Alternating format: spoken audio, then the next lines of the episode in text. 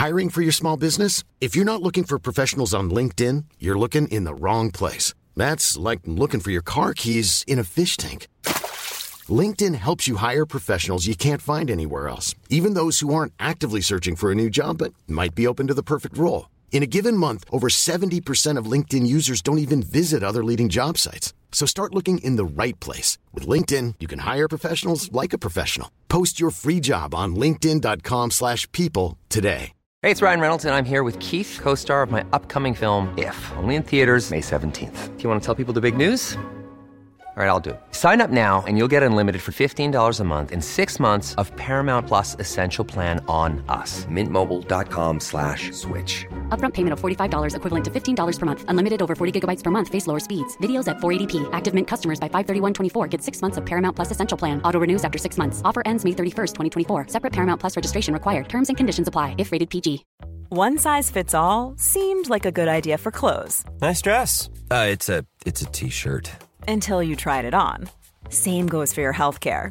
That's why United Healthcare offers a variety of flexible, budget friendly coverage for medical, vision, dental, and more. So, whether you're between jobs, coming off a parent's plan, or even missed open enrollment, you can find the plan that fits you best. Find out more about United Healthcare coverage at uh1.com. That's uh1.com. Vi är denna vecka sponsrade av Indie Beauty. Och Sofie, det här tycker jag är extra fint och extra roligt. Ja men Indie Beauty är ju ett skönhetsvarumärke som jag tror att väldigt många känner till, men det jag älskar mest, det är att Indie Beauty liksom vill vara mer än bara produkter, vilket de ju också är. Exakt, Indie Beauty står ju för Independent Beauty, skönhet på dina villkor och för din egen skull. Och Indie Beauty tror ju stenhårt på ett alternativt skönhetsideal fritt från måsten, skam och känslor av otillräcklighet. Där är jag helt med Indie Beauty. Jag med. Det är så jag vill att skönhet ska vara. Ja men verkligen. Och vet du vad som är nytt för i år Sofie? Berätta. Från och med i år så skänker Indie Beauty 1% av sin försäljning till Suicide Zero, Tjejzonen och Djurens Rätt. Så när man handlar produkter från Indie Beauty så kan man liksom känna att man också ger tillbaka till samhället. Ja, kraften i tillsammans. Ska jag säga en sak nu då, som Mm. jag, det, men det är detta jag är extra glad över. Nu har Indie Beauty tagit fram en keps och den tycker jag ändå så på sommaren, skyddar sig från solen, Jättebra, jag älskar kepsen. men det bästa, de bidrar till Suicide Zeros viktiga arbete för att minska antalet självmord och självmordsförsök. Så för varje såld keps så går hela vinsten, 100 kronor, direkt till Suicide Zero. Då kan man liksom göra nytta både för samhället och sin hud på en och samma gång. Ja, och kepsen kostar 169 men alltså hela vinsten går då som sagt till Suicide Zero. Så om man vill göra skillnad när man är där ute i solen, nu när den börjar titta fram, då ska man välja den här kepsen. Den säljs exklusivt på indiebeauty.se och på Apotea. Tillsammans kan vi skapa en ljusare framtid. Vi ses med kepsarna på! Tack Indie Beauty. Självklart är vi fortfarande otroligt drabbade av allt som händer i Ukraina just nu och vi tänker såklart extra mycket på alla människor som är på flykt i detta nu. Ja, som flyr liksom ett hänsynslöst krig och som lever under alltså förhållanden man inte ens kan föreställa sig. Vi vill bara uppmana att fortsätta skänka pengar, skänk det du har möjlighet att skänka för varje krona räknas. Och på givasverige.se så listas alla de organisationer som har märkningen tryggt givande så att du kan försäkra dig om att den organisationen du ger gåvan till förvaltar den på bästa sätt.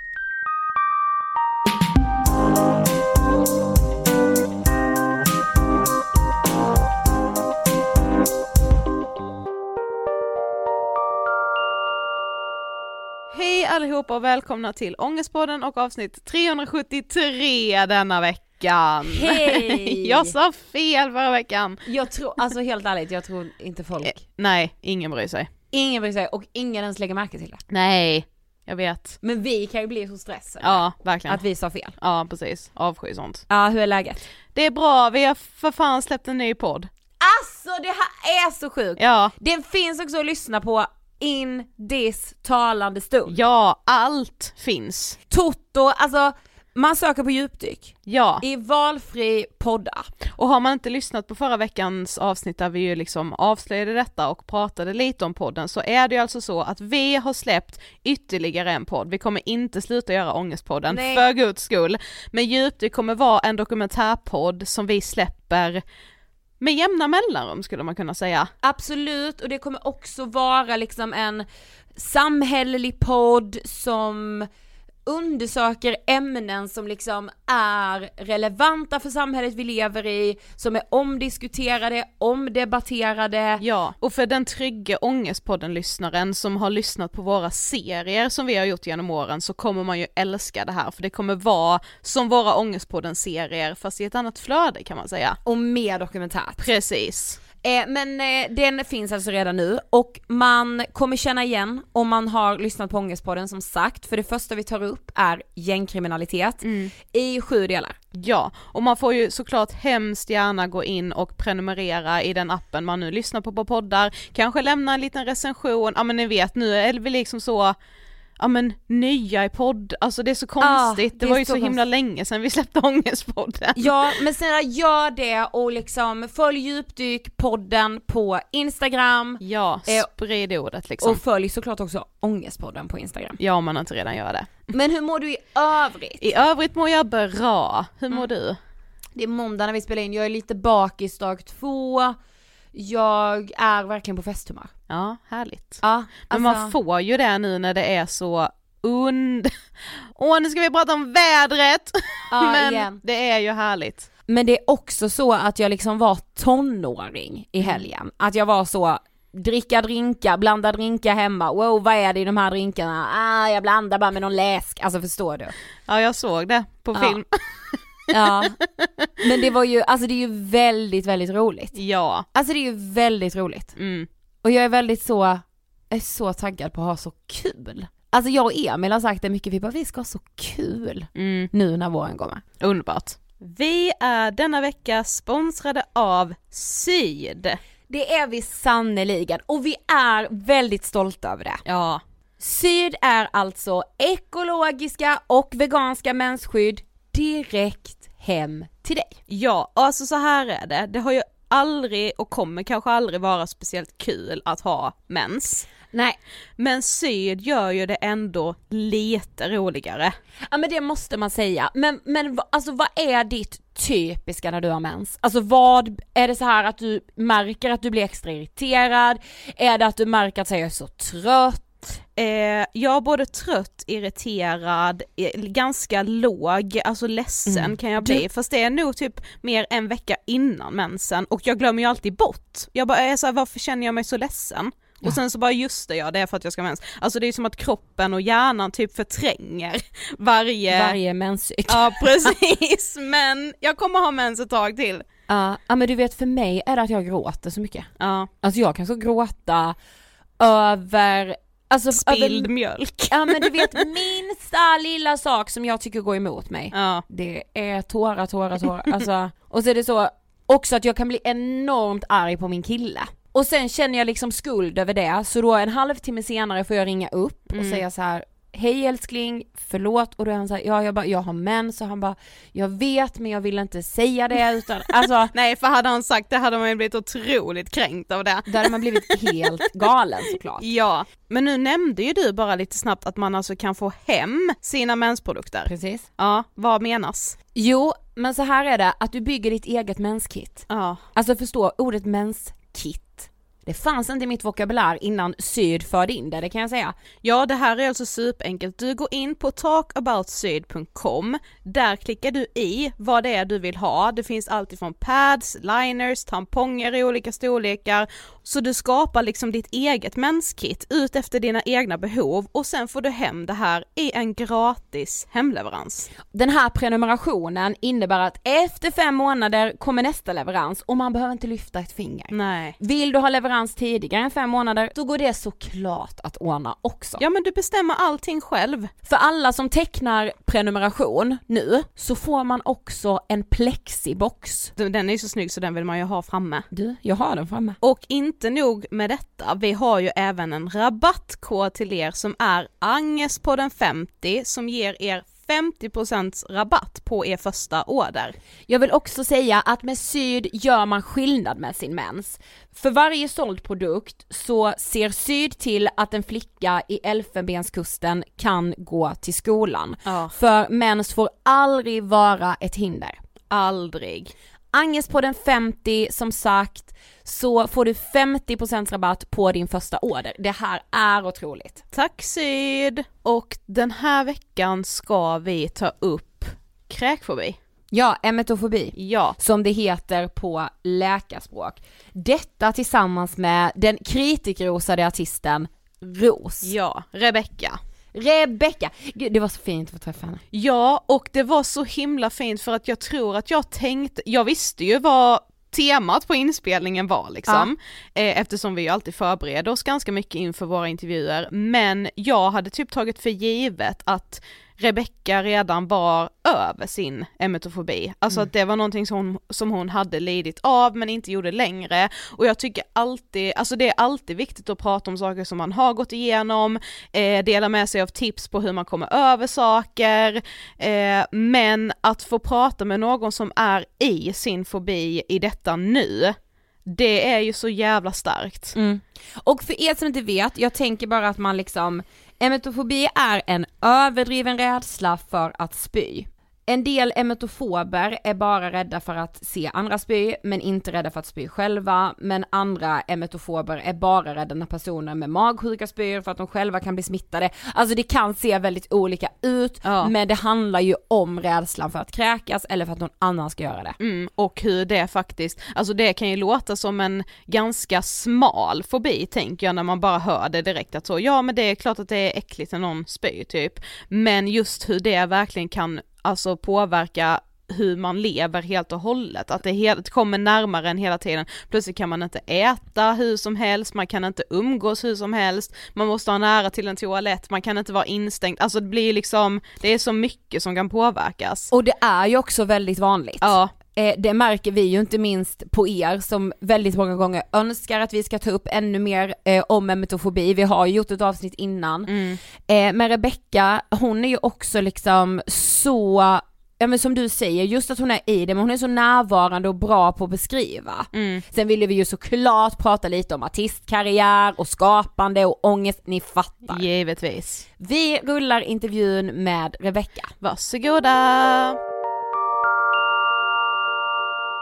Hej Rebecca, varmt välkommen till Ångestpodden! Hej, tusen tack! Kul att ha dig Det är här. jättekul att vara här. Du ska få berätta, vem är du? Jag eh, heter Rebecka, jag är artist ehm, och gör musik. Jobbar även lite som kock. Mm. Det är, det är det jag gör. Gör du det fortfarande? Ja, lite grann. Ja. Typ tre dagar i veckan. Ah. Det är svårt att släppa taget om det lite. Ja, det är jag så himla roligt och jag har gjort det så länge och det är en eh, nice så här, eh, avbrytare liksom. Kan tänka mig det, Ja. att det blir lite så terapeutiskt att bara stå och tänka på så här. Exakt. nu ska jag bara göra det här. Ja. Det är typ som att måla. Precis. Ja. Jag gillar verkligen också att ha många bollar i luften. Ja. Det är kul. Mm. Men ditt artistnamn är ju Ros. Ja, det är det. Mm. Rose. När, alltså när, var- för jag, alltså när jag, nu när vi skulle göra den här intervjun var jag så här. det känns som att jag har känt till dig aslänge. Ja. Men liksom när släppte du typ ditt första, alltså när släppte du din första singel typ? Alltså det måste varit typ 2018 Ja. kanske. Okej, ja. Jag, är, jag kommer inte ihåg. Men jag tror det var typ i den svängen. Ja. Ja men det kan, det på- kan nog stämma att jag liksom, för det känns som jag har känt till dig verkligen sen dess. Mm. Ja, vad kul. Ja. Ja, det, det, det, det är kanske inte så många. Ja, jätteroligt. Men du ska få ångest på den frågan. Ja, Eh, vad tänker du på när du hör ordet ångest? typ hela mitt liv. Nej, men, eh, ehm, ja, mycket alltså. Jag har väldigt mycket ångest. Eh, och lätt till ångest. Och har alltid haft det. Mm. Eh, så det är liksom, ja det är mycket tankar. Men har du alltid förstått att det är ångest? Nej, Nej. absolut inte. Det är nu typ i vuxen ålder jag har förstått för det började typ eh, mycket ångest och mycket panikångest har jag haft. Eh, och det började ju typ när jag var alltså tidig tonåring typ. Och då hade jag ingen aning om vad det alltså jag trodde ju bara att det var något fel, alltså att jag var sjuk. Mm. Eller liksom. Ja, Classic. jättekonstigt, hade ingen aning. Eh, och nu har jag fattat att, ah, okej, det var liksom Mm. verkligen alltså panikångest. Det är typ en sak med att bli, eh, alltså en sak som är skönt med att bli äldre tycker jag att man så här lägger pussel och Ja, förstår saker om sig exakt, själv och exakt. att man har gått igenom saker som man innan inte har kunnat sätta ord på typ. Ja, verkligen. Mm. Men hur gammal är du? Jag, nu är jag snart 28. Ja. Eh, och det är också ofta man tänker att bara, fan om man bara visste då vad det hade kunnat göra skillnad. Mm. Eh, med liksom relationer och ja, Exakt. allt möjligt. Mm. Men eh, ja, Men var är du uppvuxen? Är du uppvuxen här i Stockholm? Uppvuxen i Lund. Mm. Mm, just det. Inte så, vi är uppvuxna i Karlshamn, alltså Blekinge. Ja, ja. Så inte jättelångt ifrån. Nej verkligen inte. Jag tyckte jag, när jag hörde det där, Ja, så, det fanns det. liksom, skånska är det väl? Eller det Ja. små, vad säger man? Blekingska. Blekingska. Det Det är- liksom en egen. Ja. Men jag skulle säga att det är en blandning mellan skånskan och småländskan. Ja, Ja, det är- verkligen. Exakt. Men du har inte så mycket Lund-dialekt? Nej, alltså mina, jag är född i Gävle. Ah. Eh, mina föräldrar är från Gävle och uppvuxna i Gävle. Eh, och sen när jag var typ fem år tror jag flyttade vi ner till Lund. Eh, så mina föräldrar har ju verkligen inte skånskan. Utan Nej. det har mest så här blivit från omgivningen och kompisar man hade. Ja. Och sen så, ja. Så, men när jag är i Skåne då kommer den nog fram ännu mer. Det är alltid så. Men hur, hur ser du tillbaka på din uppväxt liksom? Hur beskriver du den själv? Ehm, jag har tänkt mycket på det här. Så jag tänkte, alltså de senare åren så har jag verkligen så här, vad fan hände egentligen typ när jag var, jag är också ensambarn så jag har eh, väl känt mig väldigt ensam i många år. Och framförallt för att jag har mått som jag har mått. Eh, och känt mig väldigt ensam inom det också. Så väldigt mycket, jag har känt mig ganska eh, liksom ja men ensam och typ att så här, fan att man inte riktigt passar in typ. För det känns inte som att andra har den erfarenheten jag har av just det här. Och det var väl typ en ganska, alltså det är sånt jag liksom gått och tänkt mycket på. Bara okej, pratat med mina föräldrar, bara hur ser ni på det här som hände då typ. Mm. Ja, jag tycker det är ganska intressant Mm. att prata om i vuxen ålder när man också, nu har jag en jättebra relation till mina föräldrar. Mm. Hade jag inte då liksom. Nej. Mm. Men var det så att du inte liksom pratade med dem om ditt mående? Jo det gjorde jag. Mm. Men det var väl just det att vi inte förstod. Eh, jag har ju liksom en liten fobi. Mm. Mm. Komma in på det sen. Ja. Och det eh, gjorde ju också att jag trodde väldigt ofta att jag var sjuk. Alltså för jag trodde ju hela tiden att nu mår jag illa. Ah. Eh, och det var väl det som var det jobbigaste att typ mina föräldrar bara, men du är inte sjuk, typ, Ja. skärp dig. Mm. Och sen så man bara, men jag känner så här och bara, men det är ju, du vet ju att det är ju ingenting typ. Och så känner man sig väldigt missförstådd typ. Mm. Eh, Ja för du har ju eller har haft emetofobi, kräkfobi. Eh, alltså hur började det? Är det liksom din första kontakt med ångest egentligen eller liksom? ja, Mm. det tror jag nog att det är. Mm. Eh, och det har varit med så himla länge också. Så jag, för mig, alltså det kan säkert ha liksom varit något annat men det känns som att det verkligen är det som har varit liksom, det är så här mamman till all ångest liksom Ja. Nu. Men minns du hur det började?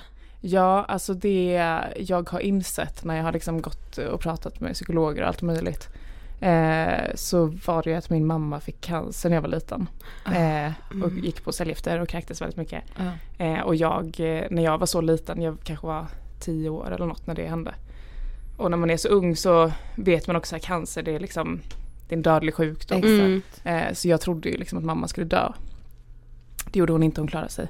Eh, men det har nog varit en väldigt jag tror det var det som kanske satte igång lite. Mm. Det konstiga var att när mamma väl liksom gick på cellgifter och kräktes så mycket som hon gjorde så tyckte jag ju det var, det var ju bara vardag för mig då. Ja. Och sen så när hon blev frisk och sen gick det över och sen nästa gång någon blev sjuk eller kräktes i familjen då kommer jag ihåg att det var som en helt ny så här.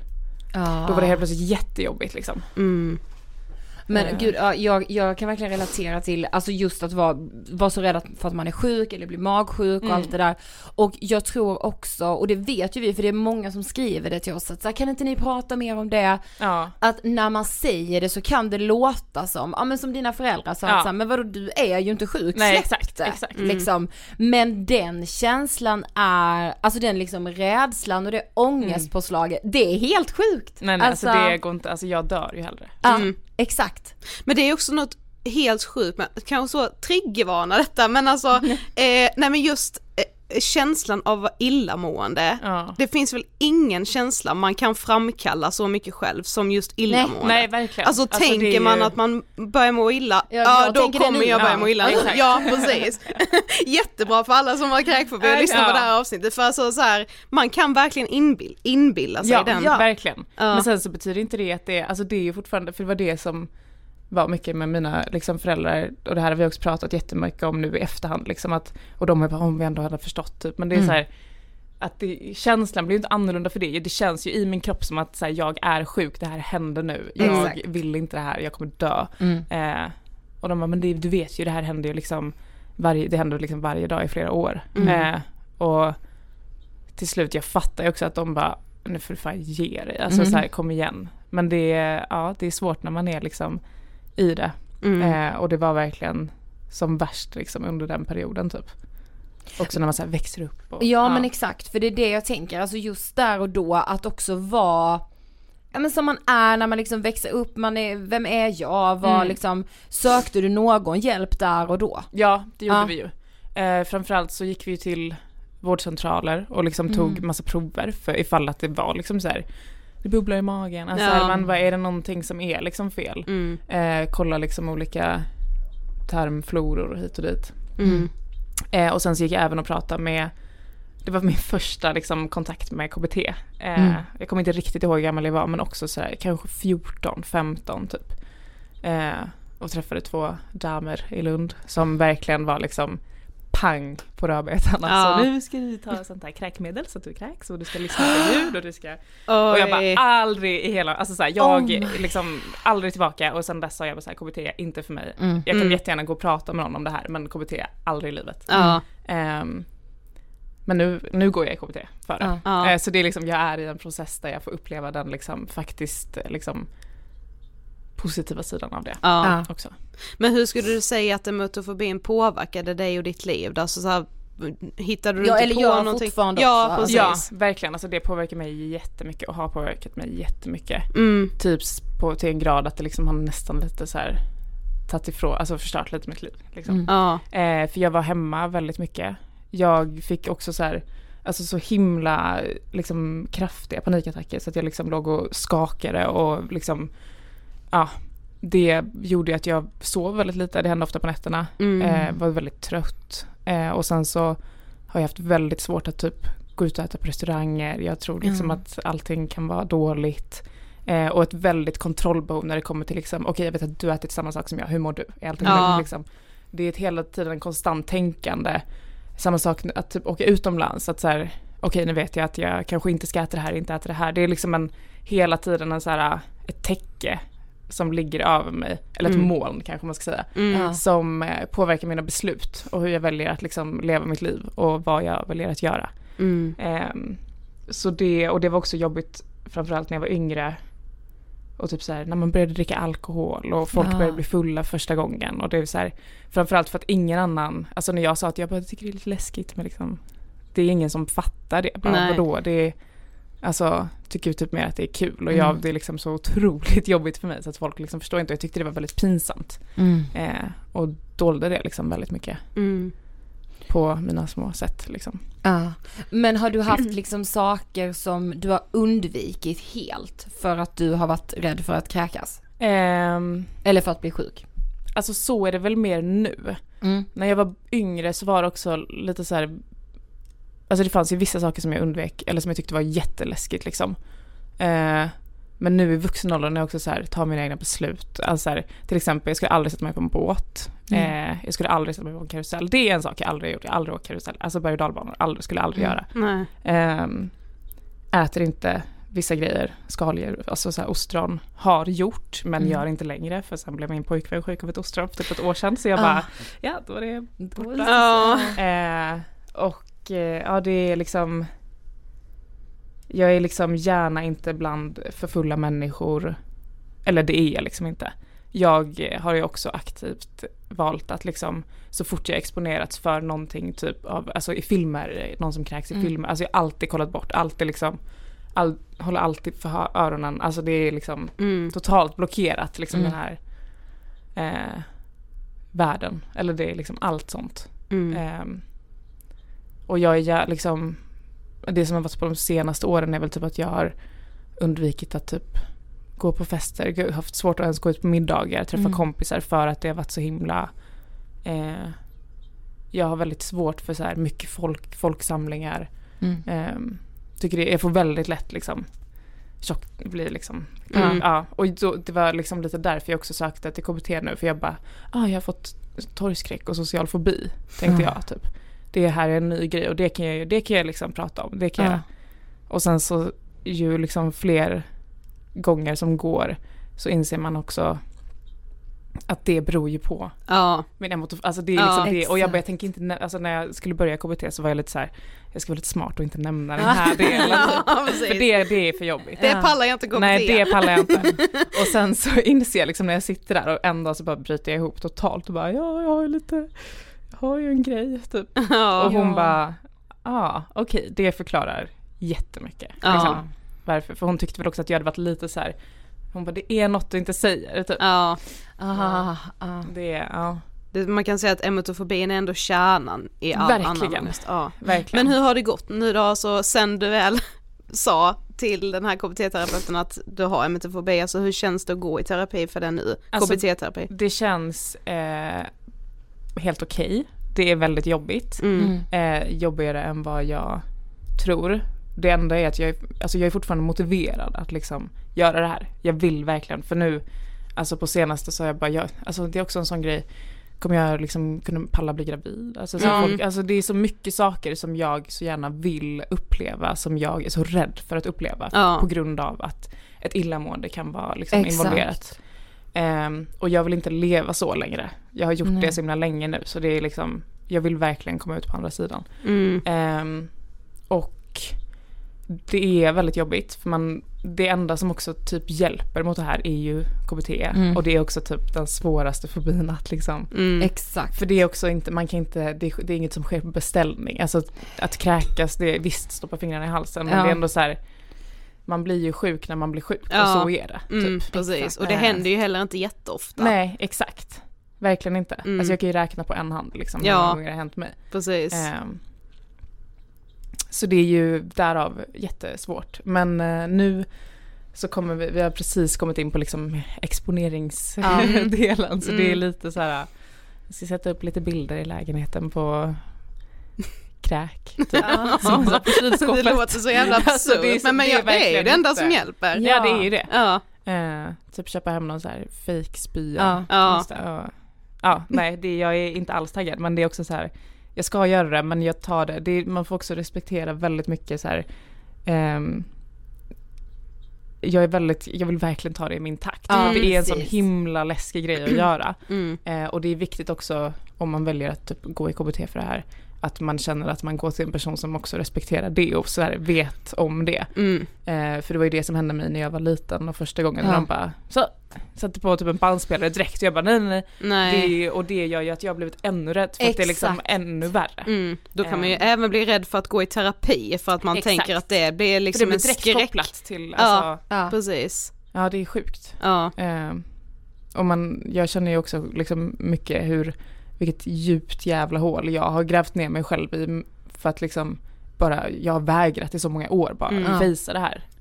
Eh, och nu gör jag det och då är det liksom också ett stort bagage. Mm. Ja men såklart. Ja. Mm. Men jag tycker det är så fint att vi får det här samtalet med dig nu när du liksom är mitt i. Ja. Ja, För man är så liksom, man vill inte bara höra historier om folk som bara Jag har gjort det här, nu mår jag kanon. Nej, alltså, exakt. det var så här det var. Ja. Exakt. Ja. Ja. Alltså det är ju, ja, och jag har ju tänkt, jag har ju aldrig liksom pratat om det här för att jag då framförallt har skämts väldigt mycket för Mm. det. mm. Eh, sen så har jag träffat på personer eh, som har samma fobi. Och Mm. typ sett, alltså jag har hört folk som har berättat om det och jag bara jag trodde jag var helt ensam. Ja. Alltså jag trodde verkligen jag var helt, alltså den enda personen som kände så här.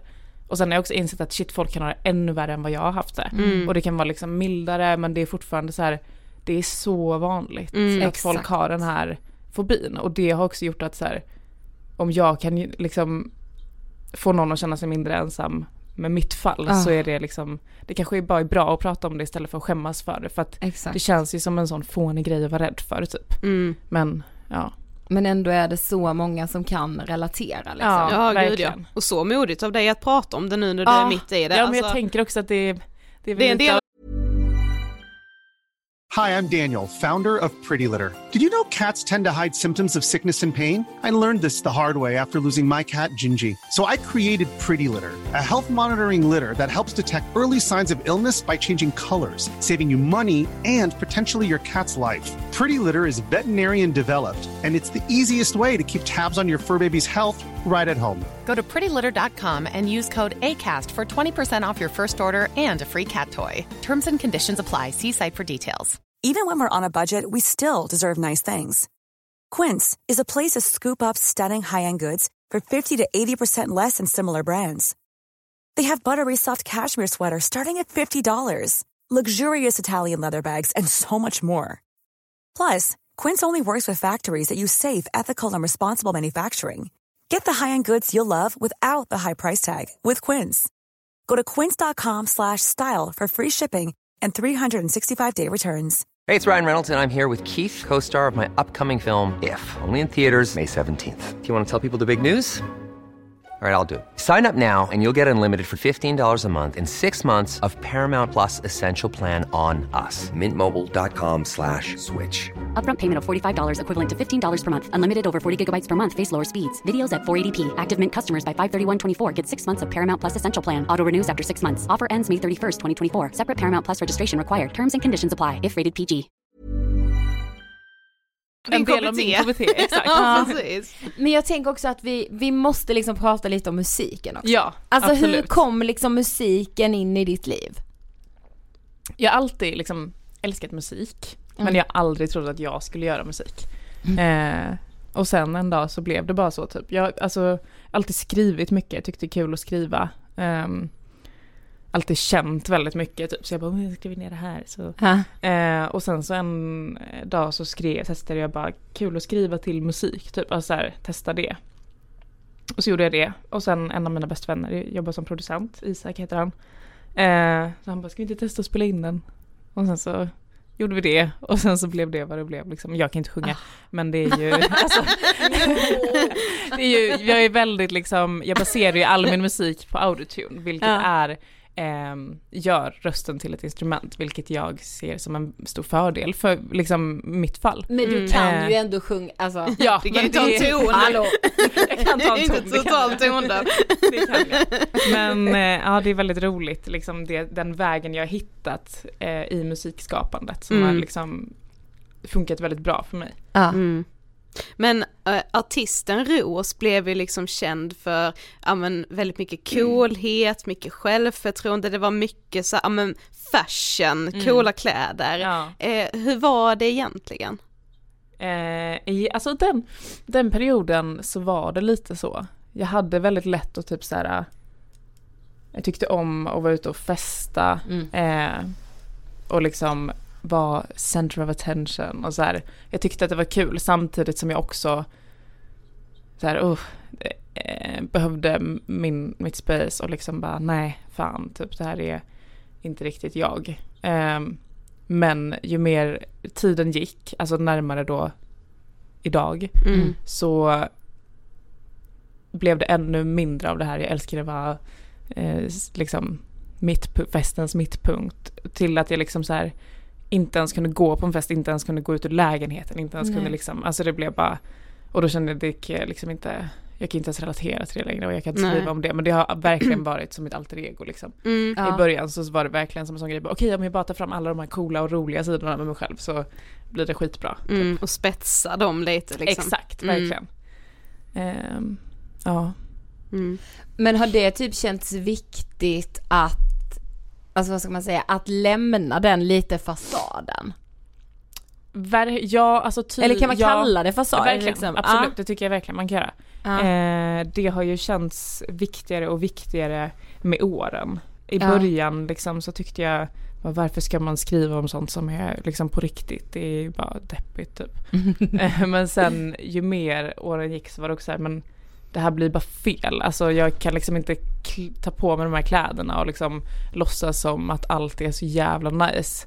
Mm. Eh, när det liksom också finns, jag vet att det så här, finns personer som behöver höra den andra delen också, Mm. lika väl som att jag behöver höra det från andra liksom. Eh, och att man känner den gemenskapen och ja. Eh, och sen när det liksom gick till en gräns, alltså när det verkligen, ja men typ för ett och ett halvt år sedan kanske, så var det verkligen så här. Jag mådde inte bra liksom. Mm. Och då så kände jag också att det är det här jag kanske ska typ skriva om också för att få ur det ur mitt system och Mm. liksom eh, göra något av det. Typ. Mm. Men under våren 2020 så känner du att du står lite i ett vägskäl, typ du Ja. jobbar fortfarande som kock och känner typ såhär vad, vad vill jag egentligen Mm. med mitt liv? Som väl typ alla har tänkt flera Ja. gånger. Men, men vad händer där och då? Alltså det är väl då jag bestämmer mig för att liksom satsa på musiken och lämna restaurangyrket bakom mig. Mm. Eh, för att jag känner att jag kommer ångra mig så mycket om jag bara inte gör musiken på 100% liksom. Ja. Mm. Eh, och ge det allt, för också att jobba i restaurang är väldigt liksom emotionellt krävande, psykiskt krävande. Ehm, man måste liksom vara 100% där. Och jag, kunde, jag gick liksom in i väggen av att basically försöka vara på båda ställena samtidigt. Ja. Eh, och jag brukar liksom klara av eh, väldigt mycket. Eh, men det blev liksom för mycket. Eh, och jag bara okej, nu måste jag göra mig själv, en tjänst så att det liksom inte jag kraschar totalt nu för då kommer jag liksom då kommer det inte vara så kul Nej. i framtiden typ. Ehm, så då valde jag att bara okej men nu satsar vi på musiken för jag har ändå gjort liksom kockgrejen i typ 7-8 år och satsat på det. Nu vill jag testa det här. Ehm, och sen så kom ju corona i typ exakt samma Ja. sväng. Mm. Så att det liksom blev ju ingenting, alltså inga spelningar, ingenting Nej. sånt. Jag tjänade liksom inga pengar på musiken mer än det jag streamade. Vilket inte har varit jättemycket liksom. Så att det var eh, jobbigt. Och framförallt när man också jag fick, alltså restaurangen som jag jobbade på då stängde ner så att det var liksom inget, och ingen annan, för alla folk fick ju bara sparka folk så att det var här, okej jag kan hjälpa till här, bara, nej men nu har alla liksom fullt med personal för de har inte råd med liksom att anställa fler kockar som jag stod liksom och bara, Ja. jaha, och vad gör jag nu? Typ. Mm. Och bara hade en så här, studion var hemma, så jag var bara hemma, hemma, hemma hela tiden. Och det eh, var nog eh, kanske lite det som utlöste hela den här liksom bottensmällen Mm. som jag fick där. Ja för jag tänkte det, hur Mm. påverkade det dig att bara vara hemma? Ja det var jobbigt. Mm. Samtidigt som jag också så här, jag kanske behöver det här. För jag har varit på så himla högt tempo i liksom alla år. Det här kanske är jättebra för mig. Mm. Men det i sig ledde till att jag så här, jag, när jag väl gick ut så, alltså ett steg utanför dörren så bara, ah, Mm. nej jag måste hem, jag måste hem. Alltså jag kunde liksom inte gå och handla mat för det var liksom, så fort jag bara såg människor så bara, alltså jag fick sån, eh, ja, nej det var, kändes som att alla kollade på mig och bara, vad fan gör du här? Typ. Mm. Alltså fruktansvärt eh, liksom jobbigt. Ehm, och det eskalerade ju mer och mer med tanke på att jag också mindre och mindre gick utanför lägenheten så Ja, blev det också precis. värre och värre. Mm. Ehm, Men skulle du beskriva det som typ en depression? Det skulle jag nog göra, absolut. Eh, jag var väldigt nere där. Liksom. Och För det låter ju verkligen som det. Alltså, Ja, Mm. jag var ledsen. Alltså det var mycket som jag bara, ingenting känns det här. Och jag kände inte igen mig själv. Det var mest det att jag bara, jag har Ja. aldrig varit en sån här person. Jag har alltid det. varit väldigt social och tyckt att det är kul att träffa nya människor och liksom. Mm. Eh, men där var det liksom som att jag bara helt tappade bort mig själv typ. Mm. Och den känslan med, gud alltså för det relaterar jag också till, att man Ja. har varit liksom i Ja men i stunder i ens liv och när man inte känner igen sig själv, alltså det är så panikartat. Mm. För man är Ja. så, men vad är jag då? Äh, hur gör jag? Verkligen. Alltså, Mm. Och när man också så här, nu är jag ändå så här 27 år och jag så här, borde hittade mig själv när jag veta. var 23 typ. Då, och nu så känner jag mig så här, men nu, hallå jag trodde ju att jag hade liksom jag trodde att jag hade allt under kontroll. exakt. Och sen så vaknar man en morgon och bara, vad vill jag? Vad, Alltså hur mår jag? Ah, mm. Vad, vad, Vad fan har tycker jag om saker? Ja alltså helt och fick så här helt liksom, bara började grubbla över så himla, och döden och så här, bara aha, eh, vad hände sen? Exakt. Ehm, ja det var bara så mycket Mm. liksom, grejer och sen klimatkriser. Alltså så här, det blev så Ja. mycket, mycket som bara överväldigade en av känslor och man tappade bort sig själv och att liksom hela eh, min kropp och mitt psyke liksom inte funkade så som det brukar funka utan det tog liksom helt andra vändningar. Och, Mm. ja. Men det tror jag med att många kan liksom relatera till eh, just det här liksom när corona kom och så mycket släckte ner och många blev Mm. ju av med jobbet och har man då alltså det var ju jobbigt för alla på Exakt, ett sätt att vara det isolerade. var ju, det var liksom min såhär, jag är inte ensam, det är Nej. inte bara mig det här händer, Nej. det händer så många. Mm. Men jag Eh. tänker samtidigt att så har man då liksom ja men panikångest eller någon annan fobi i bagaget som man kanske inte riktigt har bearbetat Mm. ännu så kan jag ju tänka mig att coronaisoleringen var otroligt triggande just för att så här, ja då isolerar man sig igen och det alltså, har man ju själv märkt de gångerna man under den här pandemin har isolerat sig för att man blivit sjuk, Mm. man ska vara ensam i en vecka, alltså sen när man ska gå och handla, det Ja. är ju en helt sjukt stor grej Ja, ja. helt plötsligt. Alltså, och om man då även har panikångest, tror fan att det blir liksom ett jättehinder jag- att hoppa ja, över. För att då har man ju liksom också, hjärnan är så dum så bara så här, ja då har man legat där och ja, jag vet inte, man Alltså, blir ju verkligen. liksom övertänker. Ja, Ja. 100 procent. Ja, Och att man bara, ja man blir nästan liksom paranoid. Ja, och, alltså, precis. och att man bara, åh, ja det växer i liksom halsen typ. Ja, precis. Men du börjar ju i alla fall satsa på musiken Ja. till 100%. Ja. Skulle du säga, alltså är du liksom säker i ditt artisteri? Eh, jag börjar bli mer och mer. Mm. Eh, jag har varit väldigt liksom tvivlat ganska mycket på mig själv, tyckt att det eh, är jag en riktig artist eller så här, Mm. ja, att man verkligen ifrågasätter sin plats. Mm. Ehm, och inte känner sig lika duktig som alla andra. Och, ja, man jämför sig med andra liksom konstant. Eh, det tänket har jag kommit ur ganska mycket vilket jag är väldigt glad för. För att man ska inte jämföra sig. Alltså, Nej. det funkar ju inte. Man är ju sin egen person och man är bäst på det man själv gör. Liksom. Ehm, så det liksom gav jag mig verkligen så här att nu, nu ska jag bara göra min grej. Eh, och det jag är stolt över. Sen skiter jag typ lite i om andra tycker om det. Men jag vill liksom verkligen göra det här. Så den platsen har jag ändå så här, eh, tagit mig an och känner att jag kan liksom hantera ganska bra. Eh, och ha roligt med. Liksom.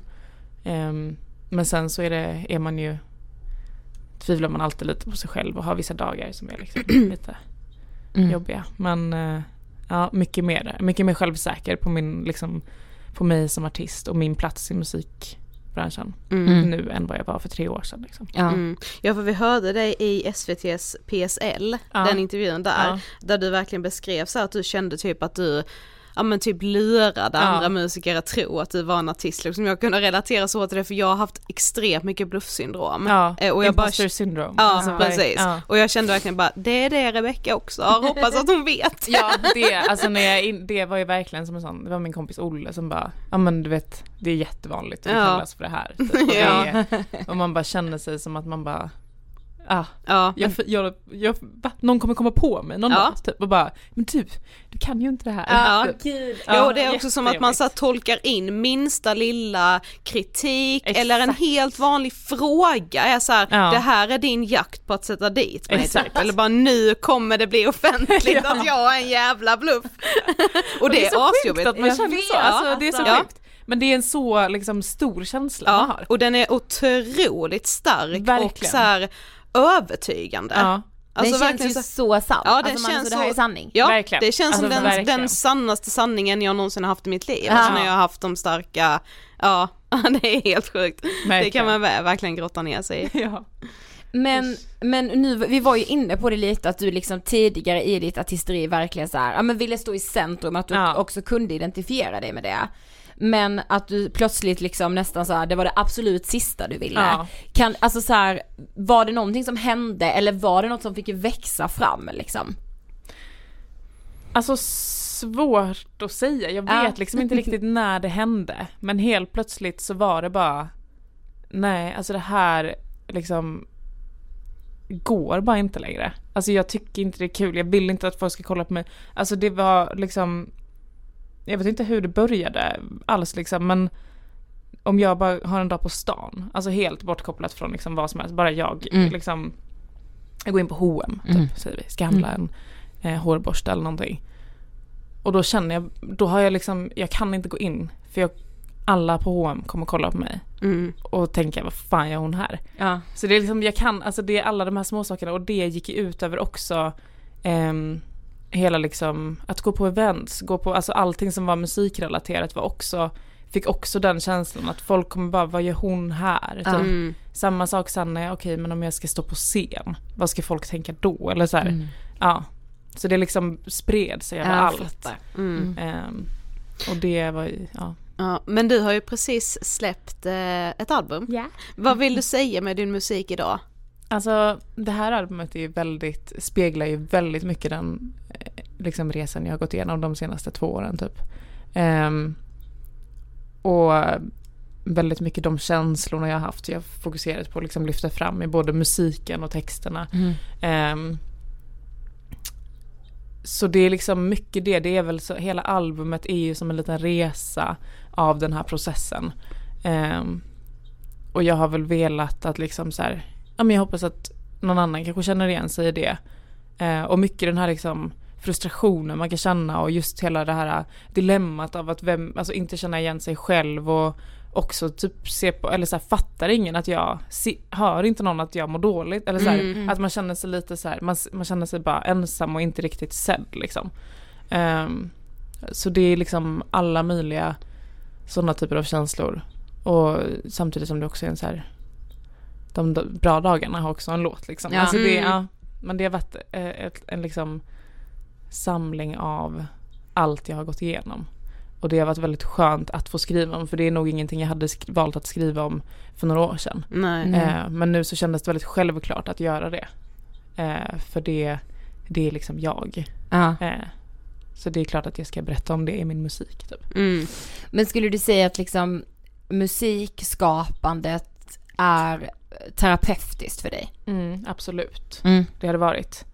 Eh, och det har framförallt gått att vända något som är ganska jobbigt och mörkt till någonting så här dansigt och coolt som man bara Ja. vill så dansa loss till. Alltså det, det tycker jag har varit jätteroligt att bara ta någonting dåligt och så vänder vi det till något bra och så känns det så här, ah, skönt nu så här har vi dealat med det och går vidare till nästa grej. Alltså det, Mm. det var jätteroligt. Men, eh, ja, men nu har vi ju pratat om den här jobbiga perioden och Mm. även att du går i KBT-terapi just nu Ja. så jag fattar att det är jobbigt så. Men hur skulle du ändå säga att du mår idag? Um, helt okej, alltså bättre än vad jag mådde eh, liksom, ja, för ett år sedan. Mm. Men hela liksom fobin, eller Mm. då liksom min, min emotofobi är typ, den kanske har blivit lite värre för att jag utsätter, alltså jag liksom pratar väldigt mycket om det nu eller tänker Mm. väldigt mycket på det för att jag går i den här KBT'n och liksom det är mycket eh, så jobbigt. Eh, och sen också blir det alltid, jag kommer ju också nyss ut från hela vinterkräksjukeperioden och Ja. det är alltid min så värsta tid på året typ. Eh, så man är fortfarande lite så här, jag vill lite, ja, rädslan är påtaglig liksom. Eh, och det är väl typ egentligen det jobbiga. Men annars så mår jag liksom psykiskt liksom överlag mår jag bättre. Mm. Eh, fysiskt också. Har liksom börjat så här, trassla ut trådar om vad, jag har liksom aldrig haft rutiner, aldrig Mm. levt ett väldigt så här, för man jobbar så mycket i både restaurang och liksom musikbranschen och man har inga så här, ja, man sover när det passar och man äter när det passar. Ja. Mm. Det har också börjat visa sig lite på min kropp. Jag känner att så här, nu måste det, jag vara snäll mot kroppen. Typ. Mm. Och det har gjort väldigt mycket med min liksom, psykiska och fysiska hälsa. Att jag har börjat tänka på de här sakerna. Ja. Ehm, Men kan du typ såhär, alltså med din emetofobi, mm. alltså kan du drömma om så, men jag vill kunna åka karusell, eller kan, alltså, Ja, alltså absolut. Att så här, fan vad kul det hade varit att typ så här, kunna gå på en em, festival utan Ja. att känna att när klockan blir för sent och folk är för fulla då vill jag åka hem. Alltså, Mm. och vad skönt att kunna typ så här bara gå på, ja men jag vet inte, åka på en resa och gå ut och äta på en restaurang och bara inte, inte tänka och analysera allting och liksom eh, det hade varit skönt att bara kunna släppa på de spärrarna. Nu kommer jag inte ihåg vad frågan var. Nej men bara så, Det- alltså om du, vad du liksom tänker att, alltså att du vill kunna göra som inte din Exakt, ja. exakt. Karuseller, ja men alltså typ karuseller, jag vet inte om jag hade tyckt det var kul just för att jag har sån, sånt kontrollbehov. Ja. Men det är också tror jag på grund av, alltså det är så här, det är, allting är ju bara ett stort jävla ekorrhjul Mm, liksom. Ja. exakt. Eh, så jag har lite svårt att typ veta vad som grundar sig i vad men det känns som att allting liksom någonstans eh, ligger där bakom kräkfobin liksom. Mm. Det handlar väl om att inte känna sig begränsad på grund av Verkligen, det. verkligen. Och Mm. det känner jag ju verkligen. Det känner jag än, alltså verkligen idag också. Alltså det är mycket och det är flera gånger om dagen och så känner man efter och man så här, ja det är liksom jätteofta som, ja verkligen flera, alltså jag tänker på det här hela tiden. Mm. Och det är ganska utmattande. Mm. Liksom. Ja. Att hela tiden bara, har jag blivit sjuk? Har jag ätit något dåligt? Är det någon som, ja, Mm. nej det är inte, det är bara det som är så otroligt tröttsamt. Ja det fattar jag verkligen. Ja. För det kan jag uppleva typ när man väl så här bestämmer sig för att ta tag i någonting i terapin. Mm. Det är ju först då man också blir medveten om ens tankar så, oj jag tänker på det här i vardagen hela Ja. tiden. Verkligen. För innan det kan man alltså innan man kanske söker hjälp så har man normaliserat det så mycket för sig Exakt, själv. exakt. Så att när man väl så ska ta tag i det så bara, vänta alltså det Och går att- inte ens ja. en timme utan Nej nej att jag... exakt. Och det Ja. var, jag var på, eh, hade ett gig häromdagen. Ja. Eh, och då också så kom jag på mig själv att bara såhär nu sneglar jag bort på toaletten och typ, jag bara nu är det någon som har varit väldigt länge på toaletten. Ja. Är den, mår den bra? Typ är den sjuk? Mår jag bra? Alltså såhär det går hela tiden bara fan jag ska på gigga snart, jag kan inte ehm, Tänk om jag måste åka hem. Alltså så blir det bara direkt. Och hur gör jag då om jag måste kräkas? Var kräks jag då? Det finns en soptunna där, det finns en soptunna där. Alltså det är liksom Ja. Mm. ah, ett konstant liksom, rutmönster av hur man ska få saker och ting att fungera och typ hur man inte ska så här, skämma ut sig. För att det är också så här, alltså något av det jag tycker är jobbigast är ju när jag är bland folk som jag kanske också inte känner alla och jag börjar må dåligt för då vet jag inte hur, för jag kan inte så här säga till dem att nu mår jag illa för då kommer folk, alltså så här, folk fattar liksom inte Nej. vad det innebär när jag mår illa. Typ. Mm. Ehm, och det, ja. Så jävla fint att du sitter här och berättar, alltså för Ja, det, jag alltså- fattar att det inte ens är en självklarhet, alltså jag tycker det är så jävla coolt och liksom starkt av dig att göra det, alltså Och jag relaterar så mycket ska du veta. Ja. Alltså verkligen. Mm. Allt du har sagt jag bara ja. Ja. jag med tänkte Ja. jag och dig Ida. Ja men för att det är så jävla mycket vanligare än man tror. Ja Alltså, men man får ju typ tänka så här, hade det inte varit så vanligt hade det inte ens funnits ett eget namn Nej, för exakt. kräkfobi, alltså det heter emetofobi, Ja, du men kan exakt. googla det liksom. Exakt. Det säger ganska mycket om hur vanligt det är. ja. Ja. Och det är fan vad man har suttit och bara, kan jag inte vara rädd för spindlar istället? Precis. Det känns så mycket enklare Ja. att Ja. deala med. Ja, då har vi kommit till sista frågan. Ja. Vad inspirerar dig? Oj, allt möjligt. Eh, mina vänner eh, och min familj och folk jag liksom ser upp till. Eh, ja, många i min närhet liksom. Mm. Många i min närhet och mycket musik och filmer. Och, ja, det finns jag inspireras av allt. Mm. Kläder, alltså jag tycker det är ja, allt Vad kreativt. Mm. Det är ju skönt också när man jobbar kreativt, att Ja. kunna liksom inspireras av allt möjligt. Ja men verkligen, jag tycker det finns, så, det finns inspiration att hämta i allt verkligen. Ja, Det det- gör det. till och med i karuseller. Exakt, exakt. Ja det är så. Ja. Nice. Tack så jättemycket för att du ville gästa Ångestpodden. Tack för att jag fick vara med. Tack. Verkligen. Ja, otroligt. Men väldigt fint att få vara i det här. Ja, tack så jättemycket Rebecka för att du ville gästa Ångestpodden och för att du ville prata om det här och eh, ja men prata om det fastän du är mitt i terapin liksom. Ja, tack för det. Alltså jag kunde också relatera skitmycket. Ja. Jag har ju gått i terapi som jag nämner, alltså där vi har varit och snuddat mycket vid det här. Ja. För mig handlade det ju mycket om att så här, jag blir så lätt åksjuk. Mm. Så nu kommer jag kräkas på bussen eller tunnelbanan. Men visst var ni ändå lite inne på det här med att du skulle titta på bilder och så? Ja, jo visst, och lyssna på ljud typ. Ja. Mm. Eh, det tyckte jag inte var jätte, alltså jag var mycket mer rädd för att säga, okej jag, tyck- jag vill inte typ se det på så film eller Nej så. men det, alltså det vill man Nej inte. precis, men jag var ju mycket mer rädd för att säga jag kommer kräkas själv. Blev ju då botad genom att jag kräktes i en taxi. Ja. Den- KBT i sin liksom, eh, Ja alltså Ja. jag spydde, alltså jag var ju sjuk. mm, Mm. precis. Ja, otroligt viktigt. Eh, vi tänkte också att vi såklart ska avsluta dagens avsnitt med en av eh, Rebeckas låtar. Ja, och den här känns ju som att den passar väldigt bra när man inte mår bra men måste utsätta sig för saker som är jobbiga. Ja, Rebecca har ju precis släppt ett helt nytt album som heter Gör det fast det svider. Under artistnamnet Ros. På albumet finns en låt som heter Gör det fast det svider. Vi lyssnar på den och så hörs vi nästa vecka. Hej då!